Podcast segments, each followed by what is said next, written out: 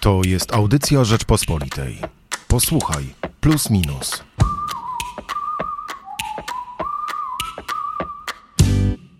Wojna w Ukrainie na trwałe zmienia globalny ład i przewartościowuje sojusze. Temu postanowiliśmy przyjrzeć się w najnowszym wydaniu magazynu Plus Minus.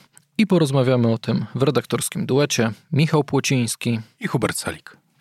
Od razu na początek magazynu mamy tekst Jędrzeja Bieleckiego pod tytułem o, znamiennym i od razu wszystko wyjaśniającym Koniec ładu, który znamy.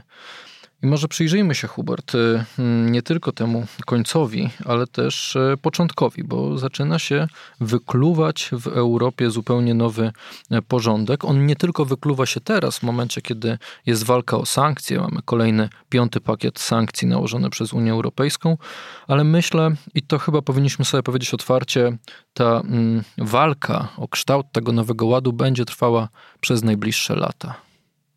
Niewątpliwie i od tego można zacząć od dosyć banalnej konstatacji, że wojna w Ukrainie zmieniła na poziomie geopolitycznym wszystko, nie tylko w Europie, ale również na świecie, bo zmieniła też układy sił w Azji. Ale gdzie w tym kontekście odnajduje się Europa Środkowo-Wschodnia i o tym postanowiliśmy zrobić nasz temat numeru. Otwieramy go tekstem Jędrzeja Bielackiego, który tak naprawdę w dosyć sceptyczny po sposób podchodzi do tego, czy w ogóle istnieje możliwość zastąpienia niektórych istniejących obecnie rozwiązań, jak Grupa Wyszehradzka e, czy format bukaresztański. Trójmorze. Trójmorze, albo mm, ten format lubelski, który też niedawno powstał. E, I w każdym z tych e, rozwiązań widzi jednak słabości regionu i stawia no, dosyć mocną tezę o tym, że tak naprawdę tym, co się dzieje geopolitycznie w Europie Środkowo-Wschodniej, rządzi i w jeszcze większym stopniu będzie rządzić Ameryka w sojuszu Waszyngton-Berlin. No to pozwól, że przerzucę kilka stron w magazynie. Na dziesiątą stronę, trzeci tekst bloku Jacek Borkowicz, Sojusz dla Europy. Jacek przygląda się dokładnie temu, jakie są szanse stworzenia tandemu, który byłby no, 80-milionową osią całej Europy Środkowej, czy Środkowo-Wschodniej. On pisze akurat środkowa, to tak trochę w skrócie. I pisze o tym, że potencjał Unii Europejskiej nie musi wcale ogniskować się wokół osi Berlin.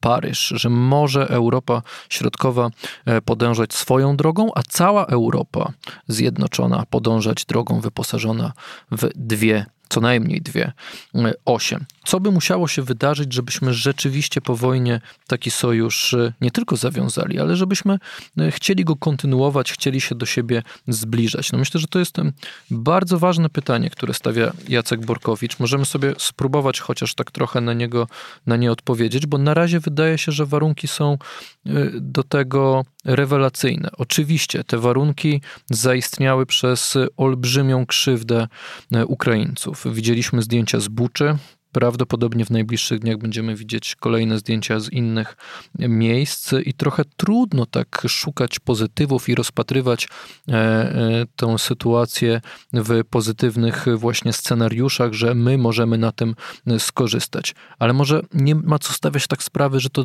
nasz polski egoizm może tutaj wygrać, tylko że to może być też dobre dla Ukrainy, prawda? Wejście w sojusz z Polską, mm, bardzo bliskie zacieśnianie relacji z tym adwokatem, który od początku e, inwazji rosyjskiej na Ukrainę e, reprezentował ukraiński interes właśnie w świecie Zachodu, namawiał Unię Europejską do jakiejś szybszej ścieżki integracji, starał się namawiać państwa NATO e, do większej pomocy, na przykład wojskowej dla Ukrainy, no ale w przyszłości także dla akcesu Ukrainy do Sojuszu Północnoatlantyckiego. Czy my możemy na tym skorzystać? Czy Ukraina może na tym skorzystać? Czy to w ogóle jest realne? Jak ty to widzisz? Przede wszystkim wydaje mi się, że no niewątpliwie oderwanie naszej rozmowy e, od e, no, ludobójstwa, od barbarzyńskiego ataku na Ukrainę. E, chciałbym, żeby nasi słuchacze zrozumieli to jako po prostu nadanie innego kontekstu, na który spojrze, chcemy spojrzeć, dlatego że bez dwóch zdań to, co się dzieje na Ukrainie, jest no, czystym barbarzyństwem. Natomiast koniec końców istnieje coś takiego jak polityka, i w tej polityce Ukraińcy do tej pory są bardzo skuteczni, odwołując się do różnego typu środków. A wracając konkretnie od Twojego pytania, bardzo ciekawą odpowiedź udziela e, Rafał Chwedoruk. Nie jest tak, że do końca z nim się zgadzam, ale... Mnie zaskoczyłeś, bo zupełnie przeskakujemy gdzie indziej w naszym magazynie. Rafał Chwedoruk e, udzielił wywiadu Lizie Olczyk, mogą Państwo znaleźć w najbliższym plusie minusie. E, I on stawia tezę, że tak naprawdę długookresowo bardzo ciężko jest tworzyć struktury polityczne, chociażby ponadnarodowe, współpracy międzynarodowej, e, nie mając silnej gospodarki. I z tego punktu widzenia dosyć trudno byłoby Polsce zbudować silną relację z Ukrainą, e, bo nie jesteśmy silnym partnerem gospodarczym i dotychczas, dotychczas takie przypadki się nie zdarzały. Zwykle e, ta oś jest budowana wokół kogoś, kto mm, wokół ośrodka, na przykład Niemiec, ośmiokrotnie pod względem gospodarki większych od Polski, o czym pisze też Jędrek Bielecki w swoim tekście, I, I na tym polega w pewien sposób spoiwo i skuteczność takiej relacji. Z jednej strony e, jest to bardzo logiczne, z drugiej strony my mamy jako kraj spore aspiracje e, i może jednak musimy te aspiracje, które teraz są coraz bardziej widoczne, bo jesteśmy jak gdyby na pierwszej linii Jesteśmy taką awangardą, e, jeśli chodzi o wzywanie do kolejnych sankcji. Wszystko to ma sens, ma podstawy, e, powinniśmy to robić. E, powinno też szybciej działać, szybciej działać struktury zachodnie, inne kraje, ale zostajemy trochę w tej awangardzie sami. Zostając sami, znowu jesteśmy w takiej pozycji, w której no, ciężko jest nam coś ugrać. Stajemy się tymi, którzy wychodzą i krzyczą. Może ten fragment dyplomacji powinien polegać na wcześniejszym ustaleniu pewnych e, kroków i zasad e, w gabinetach, w rozmowach pomiędzy ministrami spraw zagranicznych, pomiędzy premierami, prezydentami, a następnie wspólnym ogłaszaniu tych inicjatyw, a nie tylko i wyłącznie takim troszeczkę machaniu szabelką. No, widzę, że rzeczywiście Rafał Chwedruk ci przekonał, bo nawet mówisz Chwedrukiem. On mówi o awangardzie, że Polska że kraje w ogóle unikają bycia w awangardzie, a my, Polacy, mamy jakąś taką dziwną potrzebę do tego, żeby się do tej awangardy rzucać, mimo że nigdy nie przynosiło nam to żadnych pozytywnych skutków. Rafał Fedoruk na pewno nie przekonał, bo jako ekonomista zdaje sobie sprawę z siły gospodarki. I tak naprawdę ma rację, mówiąc o tym, że te trwałe sojusze i, i siła w tych relacjach międzynarodowych opiera się na gospodarce. Trudno sobie wyobrazić, popatrz jak wyglądają e, poszczególni gracze tacy podstawowi, ci korowi na scenie międzynarodowej, to zwykle jest ktoś, kto organizuje to, ktoś, kto ma przewagę gospodarczą. Nawet Rosja, budując swój, swoją strefę wpływów, to ona w tej strefie wpływów jest najsilniejszym, była najsilniejszym podmiotem gospodarczym. No i potrafiła uzależniać kraje od surowców energetycznych, oczywiście, których miała pod dostatkiem, nadal pewnie ma. Ja w takim razie będę adwokatem Jacka Borkowicza, naszego publicysty. Jak już rozmawiamy w redaktorskim duecie, to stanę Jacku w twojej obronie, bo Jacek wprost pisze, że oczywiście kwestie gospodarcze, kwestie wagi, ale e, możemy założyć, i chyba to jest e, e, słuszna teza, że w najbliższym czasie w Unii Europejskiej coraz ważniejsze będą kwestie bezpieczeństwa. A tutaj akurat Niemcy, które są najsilniejsze gospodarczo, czy nawet Francja, która jednak ma róż, dziwne podejście do polityki wschodniej i w ogóle do budowania e, tej, tej, tej, tej nowej infrastruktury bezpieczeństwa e, e, Europy, nie ma tak dużo do powiedzenia, szczególnie w relacji ze Stanami Zjednoczonymi, które wciąż są najważniejszym partnerem Unii Europejskiej w kwestiach bezpieczeństwa, jak możemy mieć do powiedzenia powiedzenia my w sojuszu z Ukrainą. Może rzeczywiście, już pomijając, że kwestie gospodarcze są super ważne i będą super ważne, może my dostaliśmy do ręki kartę, którą da się jakoś e, wykorzystać, da się nią jakoś zagrać. Pytanie tylko, czy my w ogóle będziemy potrafili, albo czy w ogóle będziemy chcieli tą kartą grać, bo to by e, po pierwsze do tego potrzebowalibyśmy naprawdę e, zawężenia nowego sojuszu z Ukrainą, a tutaj można Jackowi i jego artykułowi Sojusz dla Europy jedno zarzucić, że powołując się na różne e, sojusze, takie wewnątrz unijne czy wewnątrz e, natowskie, e, mm, to mm, chcę powiedzieć, że bo ty już zaczynasz mi tutaj od razu coś wypisywać, to zaraz będziesz miał e, e, spokojnie, e, spokojnie czas, żeby, żeby się ze mną, Hubert, nie zgodzić. Nie rozpraszaj mnie, proszę.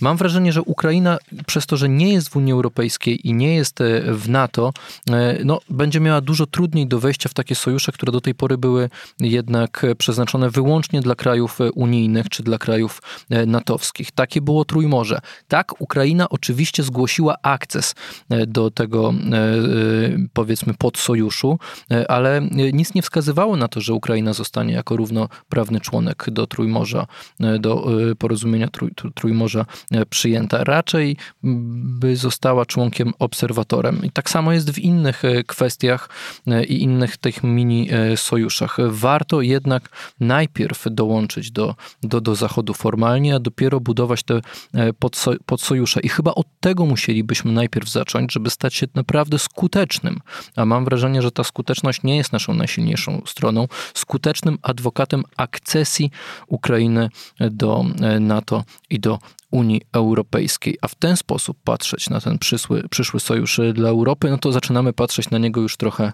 bardziej pesymistycznie. Zdecydowanie Polska jest e, w roli prawie rozgrywającego w sytuacji, kiedy ona stanowi bramę e, na zachód dla Ukrainy. I niewątpliwie rola Polski, rola naszej polityki międzynarodowej jest bardzo istotna obecnie we wsparciu e, aspiracji ukraińskich. Pokazujemy to na każdym kroku. Polski rząd staje tutaj, moim zdaniem, na wysokości zadania wielokrotnie. No, co prawda, przy okazji stara się rozgrywać jakieś inne aspekty polityczne, ale zostawiając na boku, zdecydowanie masz rację. Jak gdyby Polska, Ukraina, Ukraina w tej chwili jest to naturalny sojusz. Natomiast Twoja uwaga dotycząca bezpieczeństwa, na przykład roli Francji. Chcę Ci przypomnieć, że jeśli chodzi o sferę bezpieczeństwa, która, jak sam powiedziałeś, E, i z czym trudno się nie zgodzić, jest w tej chwili i będzie w najbliższym czasie jednym z najważniejszych e, elementów e, polityki mm, europejskiej i światowej na lata, to Francja jest mocarstwem atomowym w Unii Europejskiej, najpoważniejszym po wyjściu z niej Wielkiej Brytanii. Poziom gwarancji bezpieczeństwa ze strony mocarstwa atomowego jest nieporównywalnie większy niż krajów, które... Przypomnijmy, że Niemcy nie są. Poza tym, Drugim e, elementem, na który warto zwrócić uwagę, jest też e, skala możliwości zaangażowania militarnego. Bo jeśli mówimy o tej konstrukcji, siła gospodarki przekłada się na e, siłę polityczną, no to jeśli. 3% mniej niż 2% Francji. To mniej niż 2-3% Niemiec które właśnie zapowiedziały zwiększenie tych wydatków. Z punktu widzenia bezpieczeństwa Ukrainy, e, Niemcy, które e, zaczynają szybko zwiększać te wydatki i możliwe, że w ciągu paru lat, co z kolei z punktu widzenia Ukrainy jest zbyt długim okresem, e, zwiększą ten budżet zbrojeniowy, są poważnym gwarantem bezpieczeństwa. Wiesz, otwiera się y, na nowo, bo myślę, że nigdy nie została zamknięta do końca y, kwestia budowy silnej europejskiej armii. Ona w Polsce w tej chwili wydaje się, że ma zwolenników tylko po lewej stronie, ale przypomnę może naszym słuchaczom, że wielkim y, zwolennikiem tej koncepcji był świętej pamięci Lech Kaczyński.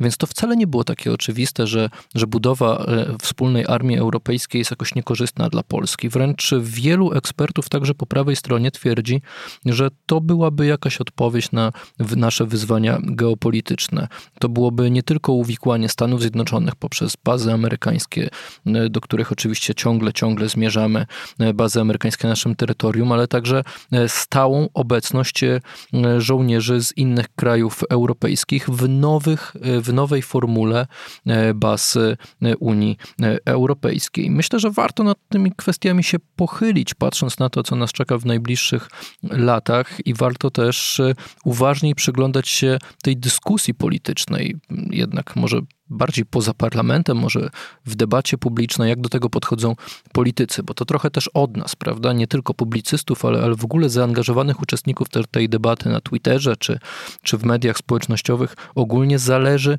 e, czy te tematy e, będą traktowane e, poważnie. Jeżeli politycy zobaczą, że tego my, wyborcy, od nich oczekujemy, że chcemy takiej dyskusji, że tej kwestii nie ma co zbywać prostymi argumentami, że Bruksela zła, bo nam nie daje pieniędzy z KPO, tylko może warto by właśnie Brukselę trochę tutaj zmotywować e, także naszą postawą i naszymi wizjami do, do poprawienia bezpieczeństwa. Wtedy polscy politycy na pewno tymi tematami się poważniej e, zajmą.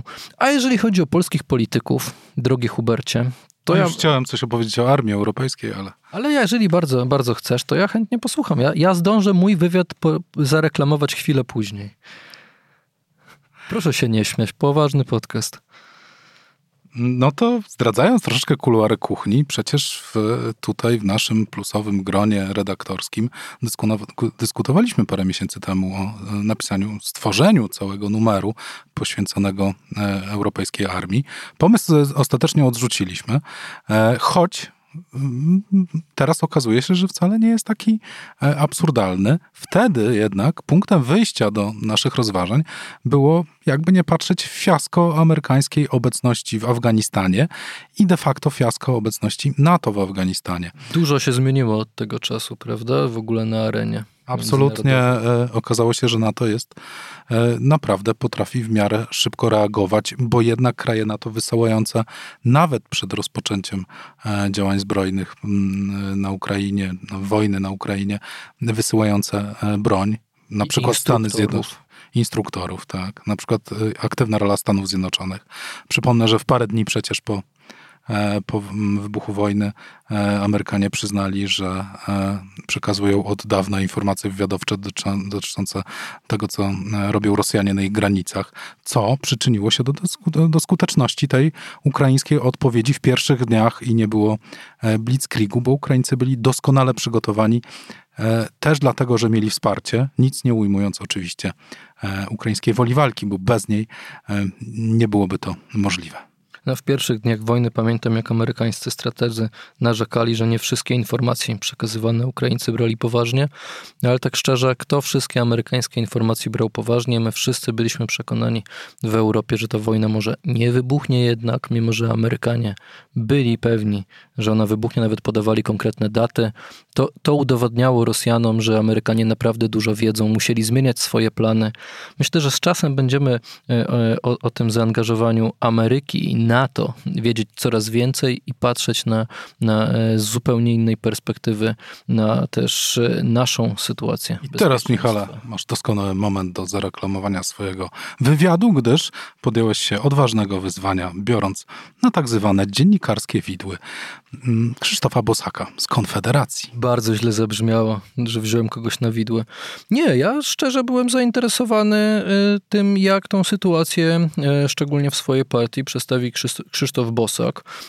Ta rozmowa oczywiście też pokazuje pewien sposób myślenia o naszym bezpieczeństwie i o e, możliwościach Polski, bo oczywiście Krzysztof Bosak, jeden z liderów Konfederacji, opowiada, jak to jego środowisko, czyli może nie cała Konfederacja, ale ruch narodowy patrzy na, na, na sytuację bezpieczeństwa Polski i na możliwą e, współpracę z innymi krajami Zachodu, pogłębianiem relacji ze Stanami Zjednoczonymi itd., tak itd. Tak ale zdradzę od razu y, w ogóle, jakie były moje intencje i dlaczego ja chciałem go o to wszystko przepytać, bo ja miałem wrażenie od 24 lutego, że Krzysztof Bosach y, zachowuje się zupełnie inaczej niż wielu jego kolegów, że zachowuje się bardzo odpowiedzialnie, szczególnie w mediach społecznościowych. Jak udziela jakichś wywiadów, to e, mówi językiem nie tylko pojednania, które jest potrzebne prawda, w polityce w takiej sytuacji, ale też e, strofując delikatnie między słowami swoich kolegów e, z partii. Więc od samego początku w tym wywiadzie pytam go wprost,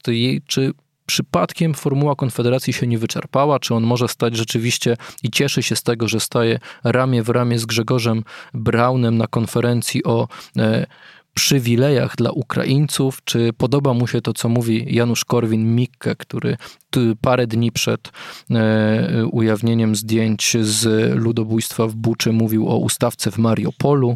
No to są trudne pytania, no myślę, że które trzeba było mu zadać, bo jeżeli ja mam wrażenie, że, że sam Krzysztof Bosak zachowywał się w miarę dobrze, e, to dlaczego on e, występuje prawda, na takich konferencjach, jaki jest dalej sens istnienia Konfederacji.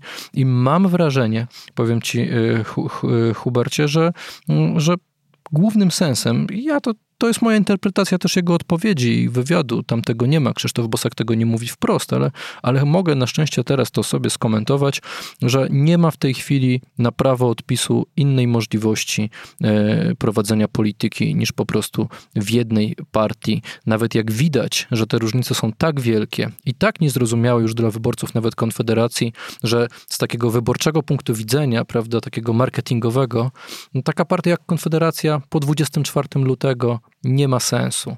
Na prawo odpisu jest Solidarna Polska ale z punktu widzenia właśnie wyborczych kalkulacji, jeżeli chodzi o system Donta, jeżeli chodzi o próg wyborczy, e, to Solidarna Polska, jeżeli nie dostanie miejsc na listach PiSu, będzie w dużo gorszej sytuacji niż Konfederacja. Nawet z tak niespójnym przekazem i z takimi politykami jak Janusz Korwin-Mikke. Jak Państwo widzą w najbliższym plusie minusie kontrowersje? Chcemy Państwa nimi przyciągnąć, dlatego że te kontrowersje są ciekawe. Jak Państwo też słyszą po naszej dyskusji, wcale nie jesteśmy zgodni co do tego, które z tych tez są nam bliskie, dalsze, prawdziwe albo mniej prawdziwe. I dlatego uważamy, że ten numer plusa jest po prostu bardzo ciekawy. Zapraszamy Państwa do kiosków. Hubert Salik i Michał Płociński. Słuchaj więcej na stronie podcasty.rp.pl. Szukaj Rzeczpospolita Audycje w serwisach streamingowych.